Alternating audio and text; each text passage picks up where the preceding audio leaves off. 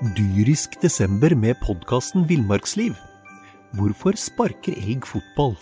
Og hvor ligger hoggormen om vinteren? Og hva er grunnen til at bjørnebinna har seg med alle hannbjørnene i området? Svarene på dette og mye mer får du i podkasten Villmarkslivs julekalender dyrisk desember, der du hører på podkast. Hvordan har familien og de etterlatte det nå? Vi er fortsatt sterkt preget av det som skjedde. Det var um, dramatisk, og det er dramatisk. Og det, det sitter nok i. Mor har vært Med tillatelse kan hende si at hun har vært sterkt preget av dette, og er det fram til i dag. Eh, Det var jo en svært dramatisk hendelse som hvis det ikke var for disse vennene som fant dette beviset opp eh, med, i form av eh, kameraopptak, så ville jo denne saken endt på en helt annen måte. eh, Med den tro eh, som da var lagt opp til fra noen, at dette var et selvmord. Det var åpenbart ikke et selvmord. Jeg prøvde liksom å fordøye det som jeg akkurat hadde sett. da. Eh, fordi jeg skjønte at det som jeg satt med ved sida av meg, det var, eh, det var sprengstoff. Du hører på Thea Dokumentar, en podkastserie av Telemarksavisa, laget av Erik Edvardsen. Og Juni Vendelin Fasting. Du hører nå episode to av to av Linn Madeleine Bråten-saken. Da har vi tatt eh, turen ut til Bamble eh, igjen. Vi har kjørt til eh, et sted, område, som eh, heter Krabberødstrand. Og her vi står nå, så har vi Breviksbrua opp til høyre for oss. Og så ser vi rett over på andre sida så har vi Trosvik industriområde og og Brevik eh, motsatt vei. Eh, og vi har valgt eh, Krabberødstrand for det. Det er et sentralt sted i denne saken, Juni, fordi det kommer flere vitneobservasjoner eh, herfra. Ja, i dette området så, så er det flere som, som var bosatt, eh, av de som, eh, som politiet valgte å trekke inn i rettssaken. Eh, blant annet så var det en kar som, eh, som bor et par hundre meter fra Breviksbroen, som han forklarte at han satt ute på terrassen sin, litt opp fra vannet, hvor han da ser deler av broen. Og han sier at han hørte krangel mellom to personer, som han òg kunne da se gjennom rekkverket. Og en kvinne hun skrek høylytt og virket fryktelig sint. Og så sier han at plutselig så så han en person som løp mot rekkverket, og at kvinnen deretter da skrek nei, nei i desperasjon. Og det er flere fra, fra Krabberødstrand, vi skal komme litt tilbake til de. Jeg skal bare smette inn at eh, jeg nevnte Brevik eh, her eh, i innledninga, og det kommer, det kommer observasjoner derfra også. Der òg er et vitne som har rapportert om å ha hørt krangling eller kjefting eh, fra brua. Så det er ikke bare fra, fra Krabberød-sida som, som vitnene kommer fra heller. Eh, men det er flere, flere interessante observasjoner fra her vi Eller området som vi sitter i nå, Juni. Mm. Et annet vitne, han, eh, han hørte også da høylytt krangel, men han, han sier at han ikke hørte hva som ble sagt. Men han sier at han hørte en kvinne som ropte nei, og som da gikk over i et langt skrik. Mens et ektepar de, eh, de slet med søvn denne natten, fordi det var jo en veldig varm augustnatt dette her eh, fant sted. Og der mens de lå våkne, så hørte de panikkartet skrik og rop om hjelp. Og dette er jo selvfølgelig interessant, for det, det går jo på tvers av det politimannen selv forklarer. For han har jo rett og slett forklart at det ikke var noe krangling på brua den, eh, den natta det her er, er snakk om. Her, ifølge han så var det liksom ikke noe spesielt de snakket om, og eventuelle hyl som noen må ha hørt. Det mener han at må ha vært fra da Linn Madeleine falt i vannet. Eh, men det tror ikke den, Det legger ikke lagmannsretten til grunn, eh, det han sier, for å si det sånn. Nei, nei, de tror mer på disse vitnene. Og så i tillegg til de som vi da har nevnt som bor i, eller bodde i området her, så var det også flere som kjørte bil over broen, og som da skal ha observert en mann og en kvinne, som vi da eh, kan legge til grunn at det var eh, politimannen og Linn Madeleine. Og en av de uh, vitnene som da har kjørt på broa, er jo litt, litt ekstra interessant. For det er jo da en person som ikke nøyde seg med å bare kjøre forbi de én uh, gang, men faktisk vel kjørte tilbake òg. Rett og slett fordi den personen ikke ja, slo seg helt til ro med det den observerte. Mm. Ja, han eh, observerte liksom at kvinnen så veldig fortvilet ut, og at mannen lå på bakken. og Han reagerte såpass på det, den dårlige stemningen han oppfattet, at han da han snudde bilen, kjørte over igjen. Og enda en gang, for han, snu, han slo seg liksom ikke til ro med det da heller. Men da den siste gangen han kjørte forbi, så gikk de liksom sammen og så ut som de holdt rundt hverandre. Mm. Så her har vi mange observasjoner. Eh, mange observasjoner som går på en variant av eh, det samme, altså skrik, kjefting. Eh, og retten legger jo da til grunn det som vitnet her har observert. Og tiltaltes versjon blir ikke trodd på. I arbeidet med denne podkasten så har det òg vært relevant å se på hva som står i den faktiske dommen fra lagmannsretten. Så vi har hentet inn Tor Øystein Eriksen til å lese utdrag fra denne. Tiltalte har videre fastholdt at de ikke kranglet på brua da de gikk der den natten. Linn falt fra brua og døde, og ifølge ham var det ikke noe spesielt de snakket om. Eventuelle hyl andre har hørt, må ha vært da Linn falt i vannet. Lagmannsretten finner det bevist, etter en samlet vurdering av bevisene i saken, at de den natten hadde et opprivende oppgjør, og at de kranglet heftig på Breviksbrua. Deler av hendelsesforløpet på brua ble observert av passerende bilister. Videre har en rekke personer med boliger i nærheten av brua forklart seg om hva de hørte. I tillegg til det vitnene forteller om hva som skjedde på brua, så er det jo interessant å vite litt mer om relasjonene her, da, June. Ja, for Linn og politimannen de hadde en seksuell relasjon ifølge venninnene rundt Linn. Tor Øystein Eriksen leser fra dommen. Linn har til sine venninner fortalt om relasjonen til tiltalte. Ifølge vitnet fortalte Linn venninnen at hun på et tidspunkt var blitt betatt av tiltalte. På 25-årsdagen sin fortalte Linn ifølge vitnes at tiltalte hadde vært på besøk og at de hadde hatt sex, og klarte at hun senere fikk høre at det hadde skjedd flere ganger. I 2008 hadde tiltalte og hans kone behov for barnevakt for sine to barn, og Linn begynte å vanke en del hos dem i den forbindelse. I 2010 introduserte Linn for sin barndomskamerat, og de ble kjærester og deretter samboere fra høsten 2010. Vitnet registrerte ikke noe spesielt i forholdet mellom Linn og tiltalte, utover at han visste at de hadde sjettekontakt på natten, noe han ikke reagerte på. Også til andre venninner har Linn fortalt om sitt forhold til tiltalte. Vitnet forklarte at Linn i mars 2013 hadde fortalt henne om sjettingen på nettet og at tiltalte ønsket sex med henne. Line ønsket å konfrontere tiltalte med situasjonen og be ham slutte, ellers ville hun si det til sin samboer. Tiltalte har hele tiden fastholdt at det ikke var noe seksuelt forhold mellom ham og Linn. Lagmannsretten legger til grunn, på bakgrunn av den samlede bevisførsel, at de hadde seksuell omgang ved flere anledninger, men at forholdet ble endret etter at hun ble samboer Eh, nei, men skal vi ta oss og bevege oss opp til Brotorvet da, Erik? For der har jo politiet kontorer. Ja, de har det. Eh, og så har vi jo ikke hørt så veldig mye fra, fra politiet ennå. Det må vi jo nesten gjøre. Ja, så vi har en avtale med etterforskningsleder Tommy Østland, så han kan svare litt på hvordan politiet arbeidet i denne saken. Dette var jo da eh, en lørdag 3.8.2013 hvor jeg fikk en telefon. Eh, det var litt utpå dagen, jeg hadde fri og var hjemme. Det var operasjonssentralen som ringte, og de sier at det er funnet en kvinne på Sandøya. En kvinne var død, og de mente å vite hvem hun var. Det var ei dame som het Linn. Eh, jeg fikk beskjed om at det her mest sannsynligvis var et eh, selvmord. Og at dette var en dame som da var omhandla i politisystemene for psykiatri, og at hun også tidligere har vært suicidal. Jeg satte meg i bilen og kjørte på jobb.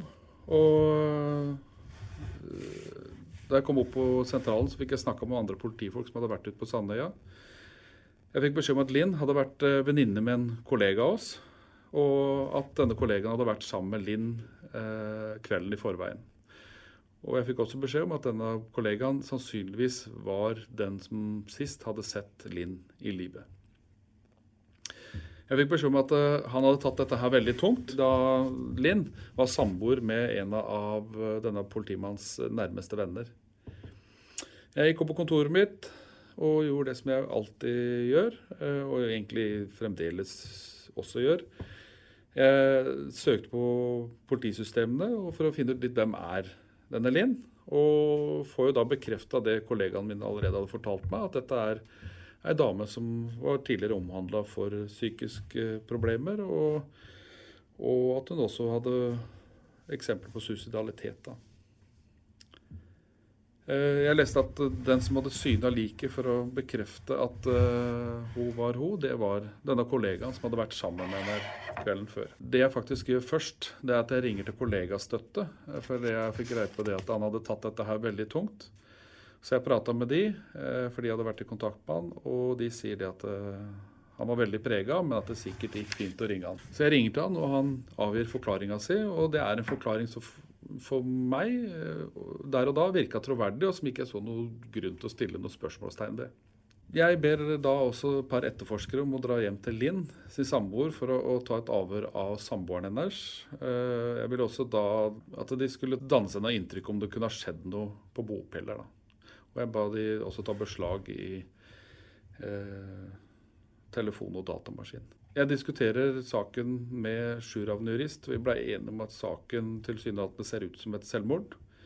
Det var noen ting som vi allikevel måtte sjekke ut. Og jeg kan ikke gå i detalj på det var, men det, det er klart det, det, det hadde med hvordan hun var kledd da hun ble funnet. Dagen etter så avhører vi broren til Linn, som forteller oss om, om eh, Linn og hva som hadde skjedd denne natta.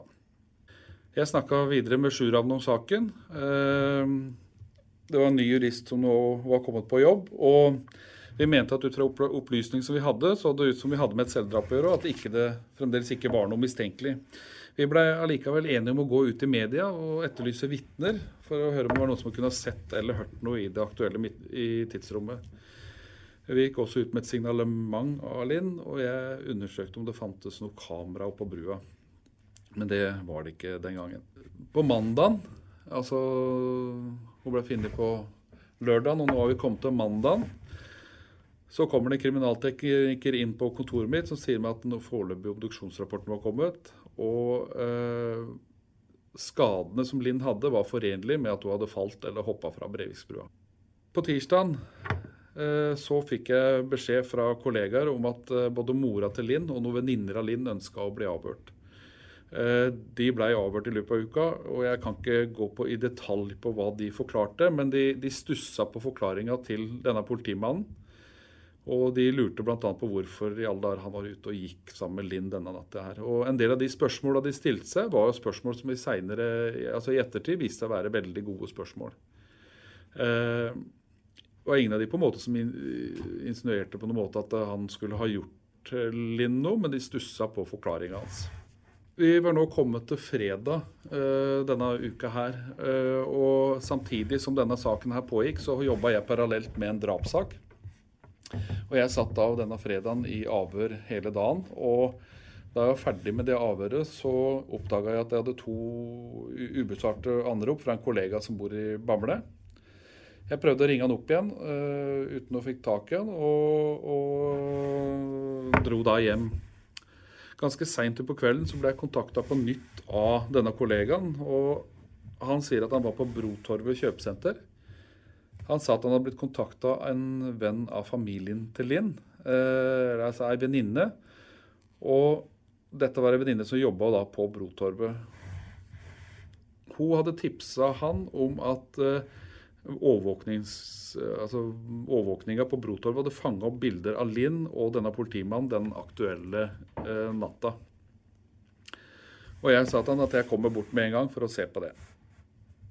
Jeg satte meg i bilen og kjører bort, og på stedet når jeg kommer dit, så var da denne kollegaen en ansatt på kjøpesenteret. Og med en gang så var også venninna der. Hun, hun, dro relativt fort. Jeg fikk da se en video eh, hvor man ser Linn og denne politimannen gå forbi kjøpesenteret. Og det var i og for seg ikke noe overraskende, fordi det var eh, noe han allerede hadde fortalt i avhør. Det som imidlertid var overraskende, det var at et annet kamera fra en annen vinkel, så kunne man se at det ikke bare gikk og sto utafor Brotorvet, men at det gikk sammen forbi kjøpesenteret og, og bort til Breiviksbrua. Man kunne også skimte at de gikk opp på brua og innover på brua. Vi ble sittende en stund på, på senter for å se på videoene, og vi kunne som nevnt ikke se at de Eller vi kunne se at de gikk opp på brua, men vi klarte ikke å se at de kom ned igjen. Så jeg ba da den ansatte på senteret om å brenne alt på, på DVD-plater. Eh, alle kameraene denne natta her. Og ja, jeg ba han også ta en backup av maskinen for sikkerhets skyld. Og kollegaen min fra Bamble han dro hjem, og, jeg blei da Jeg husker jeg da blei sittende i bilen på utsida av, av Brotorvet med disse DVD-ene ved sida av meg og tenke at eh, Jeg prøvde liksom å fordøye det som jeg akkurat hadde sett. da. Eh, fordi jeg skjønte at det som jeg satt med ved sida av meg, det var, eh, det var sprengstoff. Så eh, jeg skjønte jo at det han kollegaen min nå hadde fortalt meg, ikke var uh, sant. Så jeg ringer da til en eh, leder av meg, som, eh, eller en tidligere leder av meg egentlig, og forteller litt om hva som har skjedd. Og han gir meg tips om å sende en melding, for nå var det midt på natta. Eh, en, sende en melding til stasjonssjefen og be henne om å møte meg på dyrisk desember med podkasten Villmarksliv. Hvorfor sparker elg fotball? Og hvor ligger hoggormen om vinteren? Og hva er grunnen til at bjørnebinna har seg med alle hannbjørnene i området? Svarene på dette og mye mer får du i podkasten Villmarkslivs julekalender dyrisk desember, der du hører på podkast. På politistasjonen dagen etterpå. Eh, det gjorde jeg. Og, og, jeg kjørte så opp til, til Skien, hvor jeg da ble sittende med og kikke på disse videoene her. Og der får jeg se det at eh, altså Når du ser på videoen, så var avstanden fra kameraet bort til brua den var ganske lang. Og det kameraet er jo ikke laga for å filme det som er på brua. så Eh, men man kunne allikevel se eller skimte folk som gikk på brua. da. Og jeg måtte se videoen flere ganger før jeg kunne se det at, at, eh, at de gikk sammen opp på brua, og at etter en stund så kom det én person ned fra brua. Eh, jeg kunne ganske stor grad si at det ikke var Linn, og det hadde med måten hun var kledd på i forhold til han. Det som på en måte er litt uh, å tenke på, det er jo det at man uh, Videoene på, på, sånne sentre og sånt ofte blir lagra i syv dager. Og nå er det Idet dette her var, blei sikra, da, uh, så var det bare noen timer igjen før dette her ble sletta. det her ble da sikra på, natt, eller på kvelden og natt til, til lørdag. Altså på, på morgenen 10. I, 10. august så gikk jeg nok en gang gjennom videoene før stasjonssjefen kom. og Da hun kom, så fortalte jeg hva jeg hadde sett, og, og hun kontakta da politimesteren. Og vi kontakta da Vestfold politidistrikt, som da var vårt nærmeste distrikt den gangen. Eh, de kom etter hvert til oss og overtok saken, og denne politimannen ble da avhørt av de, og eh, relativt kort tid etterpå så ble han pågrepet. Politiet har jo fått mye kritikk i arbeidet med denne saken, og en av kritikerne det er vår eh, sjefredaktør i Thea, Ove Meldingen. Det er jo veldig spesielt at man går inn systematisk og lyger. Og når man i tillegg er politi sjøl og driver aktiv forfalskning ut av sannheten, så er jo det grunn til å tenke nøye gjennom hva årsaken til det er. Var det noen reaksjoner du kan huske fra den gangen på at, eh, på at Thea valgte å, å trykke dette bildet? Ja, det var masse reaksjoner rundt det, og masse diskusjon. og vi, Det var mange presseetiske eh, problemstillinger som vi tok stilling til. Bl.a. at vi ikke ville bruke navnet på politimannen. Eh, VG og TV 2 brukte navn på han. Eh, vi gjorde det ikke. Og årsaken til det var at eh, det fantes to barn her i den familien som, som gikk på skole i, i området. Og eh, det la vi vekt på, da. Eh, vi fulgte opp saken, og journalistene våre jobbet systematisk med saken. Blant annet så ble, ble jo det avslørt at hele etterforskningen ble hengende så langt etter.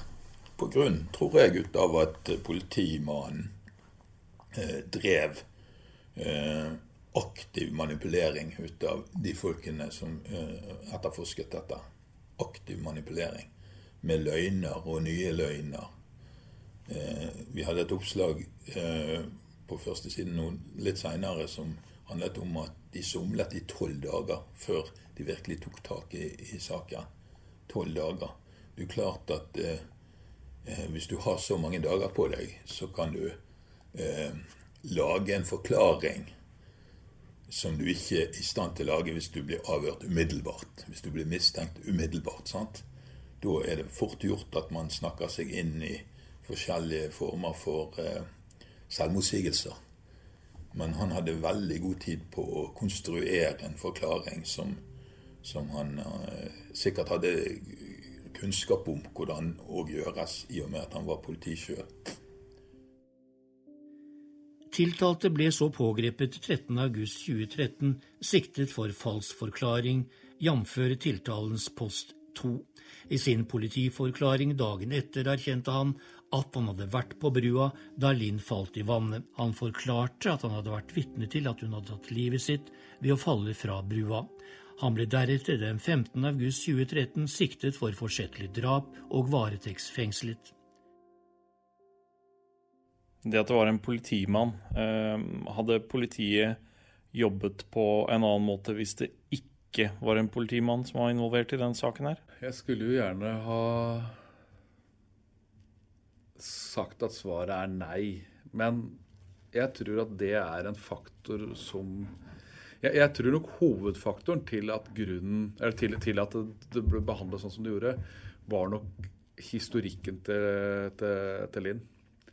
Eh, men det at eh, det var en politimann som på en måte var siste, siste observasjon, si, det, det, det, tror jeg nok eh, Jeg tror nok vi blir påvirka av det, ja. Det gjør vi nok. Men det hadde vel når, altså når, det gjelder behandlinga av saken, altså, så, så ble det er jo ikke sånn at ikke noe ble gjort i saken. Men, men alt som ble gjort i saken, ble gjort med en tanke i hodet om at dette er et sjølmord. Hvis du skjønner, Det var aldri, noe, det var aldri en tenkt tanke om at dette altså, eh, I hvert fall ikke blant meg og fra blant de som jobber med saken, at dette her var noe som skurra. da. Men det var kanskje fordi vi ikke stilte de rette spørsmålene og, og gjorde de nødvendige undersøkelsene. Um, hva er det som gjorde at dere endra på denne selvmordsteorien? Vi hadde jo en uh, I lang tid, altså lang tid vi, vi, hadde i hvert fall den innledende uka, så hadde vi um, vi, var, vi var, egentlig overbevist om at dette her var et selvmord. Eh, dette her, Breisbrua er et sted hvor vi dessverre har hatt en del folk som har hoppa fra, eh, historisk sett. Og det, det, kombinert med historikken Linn hadde, gjorde det at vi følte oss vel Vi hadde ikke noe grunn til å tro at det var noe annet enn det eh, der og da.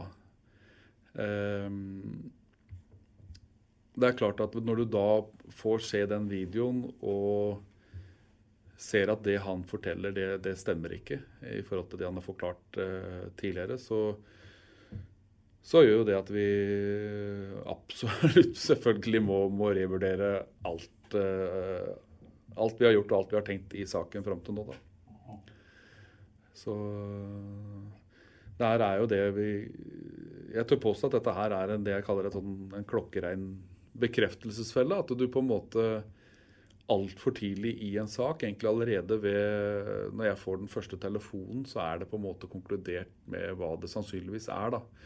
Og så burde jo selvfølgelig jeg vært såpass profesjonell at uh, jeg ikke lar meg påvirke av det. Uh, og bare tenke kaldt. Og jeg, jeg tør jo påstå at uh, og håper i hvert fall at dette her er noe som man har lært av. Hva, hva, tenker du om den jobben som ble gjort med å få tak i disse bildene fra Brotorvet? Nei, Jeg må jo si at det er det, altså Når det gjelder det at hun fant de bildene, er jo noe som jeg er veldig glad for. Eh, jeg har fått spørsmål noen ganger av flere folk om hva jeg tenker om det. liksom. Så jeg tenker at Selvfølgelig er både jeg og alle veldig glad for at de bildene blei funnet. For det er klart at Hadde ikke de blitt funnet, så er jeg redd for at saken fort kunne bare kokt bort. Eh, og ikke blitt eh, tatt tak i, sånn som hun gjorde. Mm. Og som sagt så var det kritisk at de ble sikra når de ble gjort òg. For det ganske kort tid etterpå så hadde de bildene vært sletta for, for evig og alltid. Men du sa at du sjekket eh, på broen om det var kamera der. Hvorfor eh, sjekket ikke du her på Brotorvet? Grunn, altså, grunnen til at ikke vi ikke sjekka det her på Brotorvet godt nok eh, Altså, vi Brotorvet hadde akkurat på dette tidspunktet her vært gjennom en ombygging. Eh, dette her var kameraer som jeg personlig ikke var klar over var satt opp. Eh, og, eh, men det er helt klart at dette her er ting som burde vært undersøkt nøyere. Og hadde vi, hadde vi hatt en hunch, eller hadde jeg hatt en eller, Ja, jeg sier vi, for vi var jo flere om, om dette her. Hadde vi hatt en hunch på at at det var skjedd noe straffbart her, da, så ville vi jo sjekka ut dette her. Men vi, det, det, sier kanskje litt på en måte hvor vi var en Hva vi eh, egentlig hadde konkludert med altfor tidlig. Vil du si at det var avgjørende for hele saken? Altså disse videoene? Ja, det de, definitivt. Mm. Ja, nei, det, det, det er helt, helt, åpenbart at de At de videoene var eh, altså et eh, klart vendepunkt i saken. da. Du var jo litt innpå det, men hvordan var det for deg å se de bildene? Det, det å se de bildene, og det var jo sånn at jeg må jo si at det, det var en veldig merkelig opplevelse. Altså, jeg, jeg, skjønte jo i det jeg så bildene, at, at dette her er Han har ljugd. Uh, her har vi blitt lurt, rett og slett. Uh, Eh, så det, er jo den ene sida av det. På den andre sida så er det, et, det er jo et bevis i en, i en, sak. Så politimannen i meg tenker jo at OK, dette, dette, blir interessant å se på, selvfølgelig. Så. Hvor godt kjente du denne politimannen på forhånd? Jeg vet ikke hvor nært dere har jobbet? når det gjelder forholdet mellom meg og denne, denne politimannen, så er det en politimann som jeg har jobba sammen med eh, helt siden vi starta i politiet, egentlig. Eh, men vi har aldri jobba på samme avdeling. Så det var jo en, en, kollega som jeg visste hvem var, og som jeg var på hils med, men som jeg på en måte ikke kjenner, da, eller kjente. Mm. Så mm. Så du vil ikke betrakte han som en venn? Nei, det er jeg ikke. Hvordan er det å, å, oppleve å få kritikk for den jobben man har gjort som eh, politi? Jeg tenker som politimann, eh, eller politi generelt, må tåle kritikk. Altså i de tilfellene, Hvis du tar dette her Hvis du tenker generelt sett, så, så må vi, vi, er alltid, vi er alltid gjenstand for, for en debatt og en kritikk, og det er vi nødt til å nødt til å være. Vi har en viktig jobb. Eh, og de tinga vi gjør, det får av, altså, eh, livsviktig betydning for, for folk. Eh, så det er klart det. Og når det gjelder denne saken her, så ble det jo en, det var en veldig spesiell sak. Jeg må jo si det. Det var jo hovedoppslag i de største mediene i Norge i lang, lang tid. og Jeg tenker For min egen del så tenker jeg det der vi må tåle det å stå og ta kritikk når vi har gjort noe som er kritikkverdig. Det som på en måte syns er vanskeligere, det er hvis det står ting der som du vet at dette stemmer jo ikke. Uh, og du på en måte ikke kan gå ut og nyansere det eller, eller si imot det. da. Når det gjelder det meldingen har skrevet i lederartikler og sånt noe tidligere, så er det på en måte Så vidt jeg husker, da, så er det i hvert fall ikke noe jeg kan huske som er på en måte noe over streken eller noe sånn uh, utidig kritikk. Uh, så vidt jeg kan huske, i hvert fall. I første episode så hørte dere at vi snakket med familiens bistandsadvokat Sigurd Klomsæt. Han forteller at han fortsatt er i kontakt med familien til Linn. Hvordan har familien og de etterlatte det nå? De er fortsatt sterkt preget av det som skjedde. Det um, var um, dramatisk, og det er dramatisk. Og det, det sitter nok i. Mor har vært med tillatelse kan hende si at hun har vært sterkt preget av dette, og er det fram til i dag. Jeg mener jo fortsatt at denne saken er litt uavklart. sant? Selv om han ble dømt eh, og fikk streng straff ut ifra det han ble tiltalt for, eh, så er det store spørsmålet fortsatt. Var det sånn at en stor og kraftig politimann drepte en ung jente i Bamble, eller ikke? Det er det spørsmålet. Jeg tipper at svært mange i Norge gjør seg tanker om dette så annerledes enn det Riksadvokaten utferdiget som tiltale. Tror du vi noen gang får faktiske svaret på det? Nei, det vet jeg ikke. Det er veldig vanskelig å se at uh, en sånn sak som dette skal komme opp igjen. da. Uh, men han burde vært det. Uh, Ut ifra det som kom frem i retten, Eh, i begge, i begge, behandlingene, så burde saken vært opp igjen. Men jeg, jeg, tviler på at det kommer til å skje.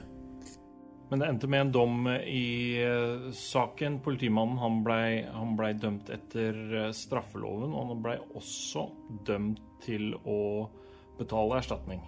Ja, etter straffeloven så ble han dømt til to år og seks måneders fengsel for å ha forlatt Linn Madeleine Bråten i hjelpeløs tilstand. Eh, det er en eh, reduksjon på et halvt år fra det tingretten dømte han til. Mm. Og så ble han samla dømt til å betale 110 000 kroner i erstatning til eh, Linn Madeleine Bråtens mor. Og han ble også dømt til å betale til samboeren. Ja, 75 000 kroner måtte han ut med der. Men uh, han var jo ikke helt fornøyd med denne dommen politimannen og hans advokat, så de prøvde å anke til Høyesterett. Mm. Men uh, der fikk de nei. Så det var den, den, dommen som vi nå refererte, som er det som ble stående etter den saken her. I forbindelse med denne podkasten så har vi vært i kontakt med politimannen. Han har fått eh, anledning til å svare på kritikken og fortelle sin side av saken, men han ønsker ikke å stille opp. Vi har også vært i kontakt med moren til Linn og orientert familien om arbeidet med saken. De som lager eh, Thea Dokumentar, er Erik Edvardsen. Og Juni Vendelin Fasting. Tor Øystein Eriksen leser fra dommen. Musikken er produsert av Simon Tekeste. Ansvarlig redaktør er Ove Meldingen. Ønsker du å komme i kontakt med oss som lager Thea Dokumentar? Har du tips, innspill eller kommentarer? Du når oss på e-post dokumentar at thea.no.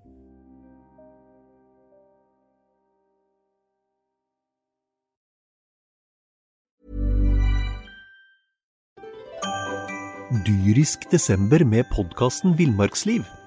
Hvorfor sparker elg fotball? Og hvor ligger hoggormen om vinteren? Og hva er grunnen til at bjørnebinna har seg med alle hannbjørnene i området? Svarene på dette og mye mer får du i podkasten Villmarkslivs julekalender dyrisk desember, der du hører på podkast. Har du et enkeltpersonforetak eller en liten bedrift? Da er du sikkert lei av å høre meg snakke om hvor enkelt det er med kvitteringer og bilag i fiken, så vi eh, gir oss her, vi. Fordi vi liker enkelt. Fiken superenkelt regnskap.